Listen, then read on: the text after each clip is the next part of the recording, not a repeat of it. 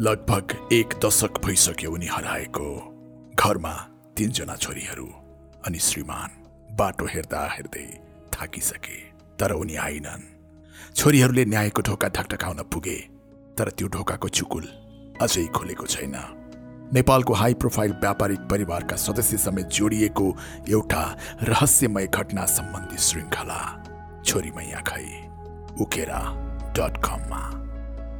खोजमूलक पत्रकारितामा आफ्नो बेग्लै पहिचान बनाइसकेका पत्रकार उमेश श्रेष्ठको नेतृत्व अनि पत्रकार प्रजु पन्तको सहकार्यमा उकेरा डट कमले छोरीमैया महर्जन हराएको यो केसका विभिन्न पाटाहरूबारे विस्तृत अनुसन्धानमूलक रिपोर्टिङको यो श्रृङ्खला अघि बढाइरहेको छ।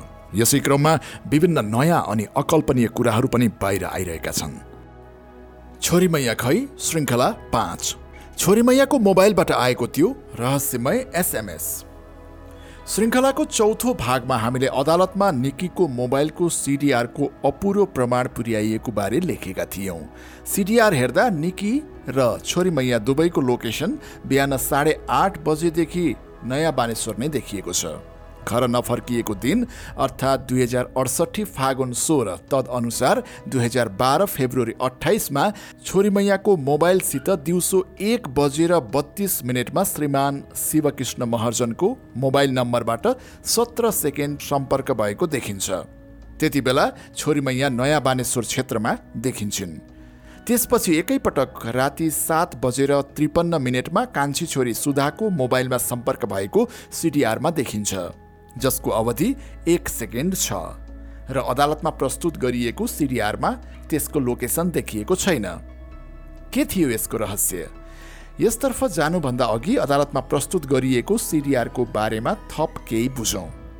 अदालत पुगेको सिडिआरमा गडबड?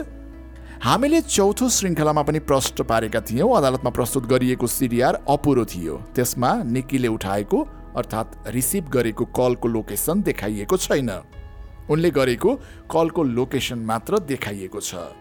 त्यसबाहेक अदालतमा पुगेको निकीको सिडिआर अध्ययन गर्ने हो भने आएको र गएको कलको रेकर्ड नै गडबड देखिन्छ। नेपाल प्रहरीमा टेक्निकल इन्भेस्टिगेसनमा लामो समय काम गरेका पूर्व इन्सपेक्टर दिपेन्द्र अधिकारी भन्छन् सिडिआरमा दुईवटा फोन नम्बर हुन्छ। एउटाले कल गरेको हुन्छ भने अर्कोले उठाएको हुन्छ। जहिले पनि सिडिआरको पहिलो कोलममा फोन गर्नेको नम्बर हुन्छ दोस्रो कोलममा उठाउनेको। हामीले सिडिआरबारे जानकार अरू स्रोतहरूसँग पनि यसबारे बुझ्यौँ। उनीहरू पनि त्यसमा एकमत भए। तर अदालतमा पुगेको निक्कीको सिडिआरमा भने हराएको दिन बिहान आठ बजेर एकचालिस मिनटमा भएको फोन सम्पर्कमा पहिलो कोलममा अन्ठानब्बे एकचालिसबाट सुरु अनि पैँसठीमा अन्त्य हुने नम्बर र दोस्रो कोलममा सन्तानब्बे एकहत्तरबाट सुरु हुने अनि छिहत्तरमा अन्त्य हुने नम्बर देखिएको छ। गोपनीयतालाई ध्यानमा राख्दै बिचका नम्बरहरू सार्वजनिक गरिएको छैन। यसको अर्थ हुन्छ निकीको मोबाइलबाट छोरीमैयाको घरको ल्यान्डलाइनमा सम्पर्क भएको छ तर यो सही होइन। हामीले हिजो फेरि त्यति बेला ल्यान्डलाइन फोनबाट निक्कीलाई फोन गर्ने सुधालाई सोध्यौँ तपाईँले फोन गर्नुभएको कि निक्कीले गरेको फोन उठाउनु भएको मैले नै गरेकी हुँ उनले भनिन्। झुक्किनु भएको त छैन नि तपाईँले फोन गर्दा नलागेर निक्कीले चाहिँ कल ब्याक गरेको हो कि? होइन मैले नै गरेकी हुँ। म स्योर छु यस कुरामा सुधाको जवाफ। अधिकार प्राप्त अधिकारी समक्ष गरेको बयान अदालतमा गरिएको बकपत्र अध्ययन गर्दा पनि त्यो फोन सुधाले निकीको मोबाइलमा गरी आमा आउँदै हुनुहुन्छ तपाईँ कहाँ हुनुहुन्छ? भनेर सोध्न नै गरेको देखिन्छ। त्यसै गरी अदालतमा पेश भएको सिडिआरमा दिउँसो तिन बजेर चार मिनटमा र तिन बजेर उन्चालिस मिनटमा भएको सम्पर्कमा पनि पहिलो कोलममा अन्ठानब्बे एकचालिसबाट सुरु हुने अनि पैँसठीमा अन्त्य हुने र दोस्रो कोलममा सन्तानब्बे एकहत्तरबाट सुरु हुने अनि छिहत्तरमा अन्त्य हुने नम्बर नै देखिएको छ।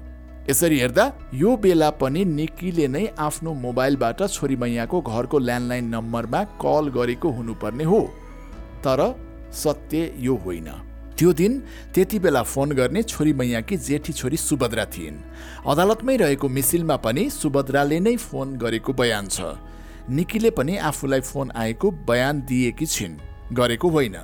ततिम्बा बयानमा समेत निकीले आफूलाई फोन आएको बताएकी छिन्। यो गडबड कसरी भयो? स्पष्ट छैन।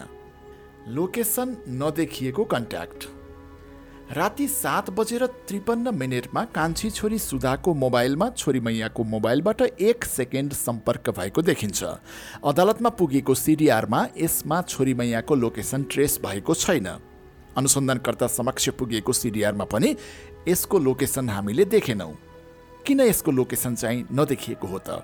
हामीले सिडिआर विश्लेषण र टेक्निकल इन्भेस्टिगेसनमा पोख्त केही जानकारहरूसँग यो विषयमा जिज्ञासा राख्यौँ।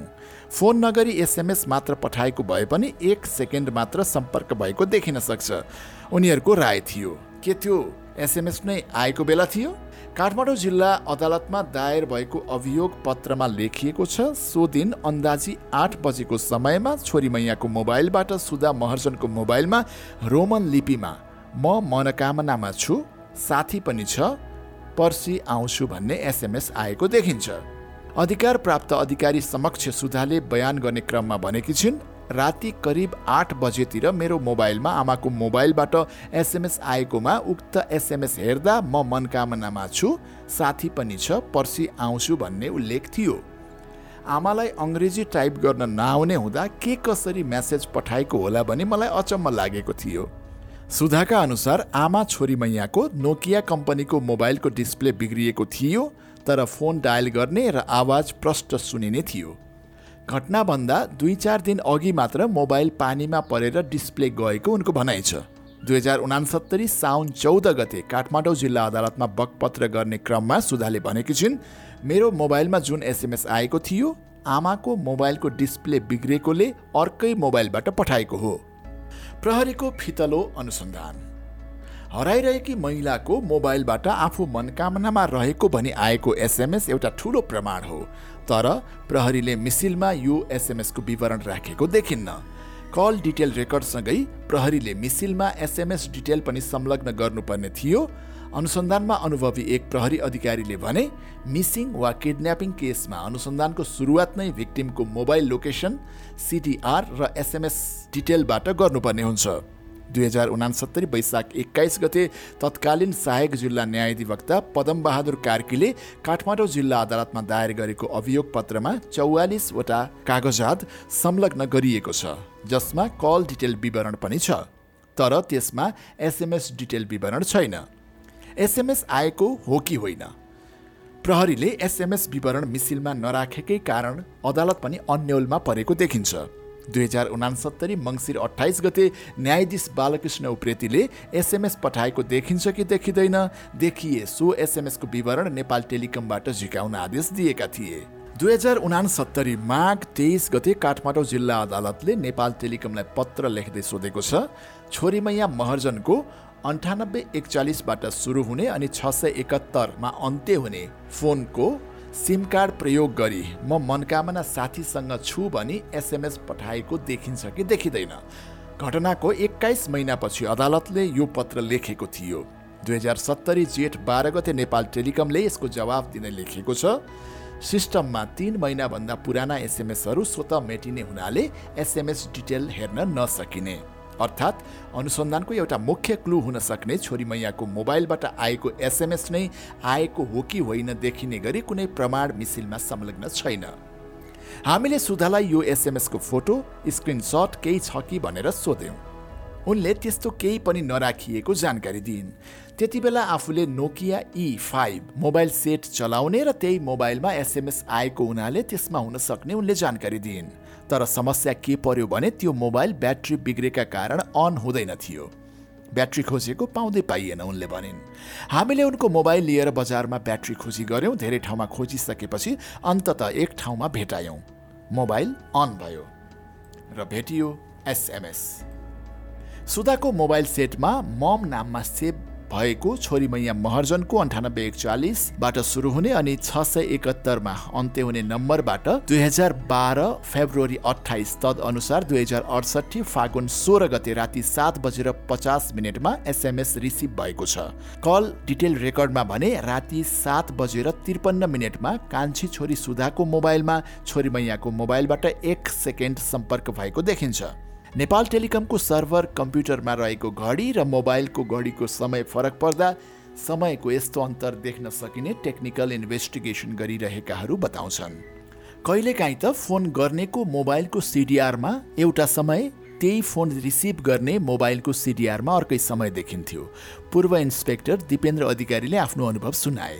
पछि यो टेलिकमको सर्भर विभिन्न कम्प्युटरमा रहने र हरेकको घडीको समय तलमाथि हुँदा फरक परेको देखियो। हामीले यो कुरा उठाएपछि सर्भरमा विन्डोज टाइम सिङ्क गरेर एउटै समय देखिने बनाइएको थियो।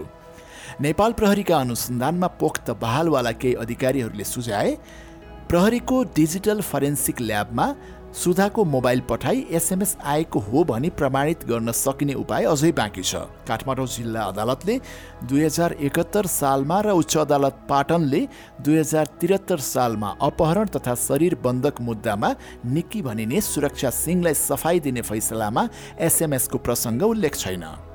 तर दुई हजार सतहत्तर मङ्सिर तेइस गते सर्वोच्च अदालतमा दीपक कुमार कार्की र सुषमा लता माथेमाको संयुक्त इजलासले जिल्ला र उच्च अदालतले गरेको फैसला सदर गर्ने क्रममा प्रकरण छ्यालिसमा एसएमएसको प्रसङ्ग उल्लेख गरेको छ।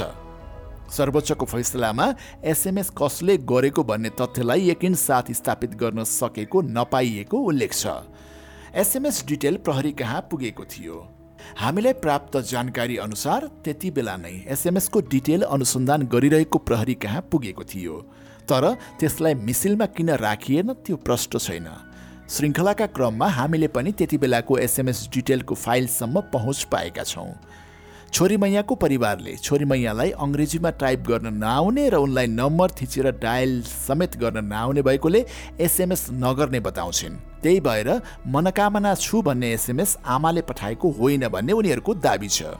तर हामीले पहुँच पाएको छोरी मैयाको मोबाइलका एसएमएसहरू अध्ययन गर्ने क्रममा एउटा म्यासेज देखिएको छ जसमा अङ्ग्रेजीमा लेखिएको छ for that I can take this anymore I can't live like this Praju Pant र कृष्पा श्रेष्ठको सहयोगमा उमेश श्रेष्ठको यो रिपोर्ट यसै गरी के थियो यो एसएमएसको रहस्य? छोरी मैया खै सिरिज जारी छ?